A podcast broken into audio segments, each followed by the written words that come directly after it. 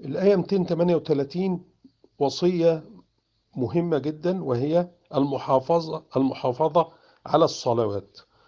والصلاة الوسطى يقال إنها صلاة العصر يعني. أهم حاجة في الآية دي وفي الصلاة عموما وقوموا لله قانتين يعني خاشعين. الواحد يركز في الصلاة ويحاول إنه يكون مستشعرا لمعانيها ومتواصلا قدر استطاعته مع الله.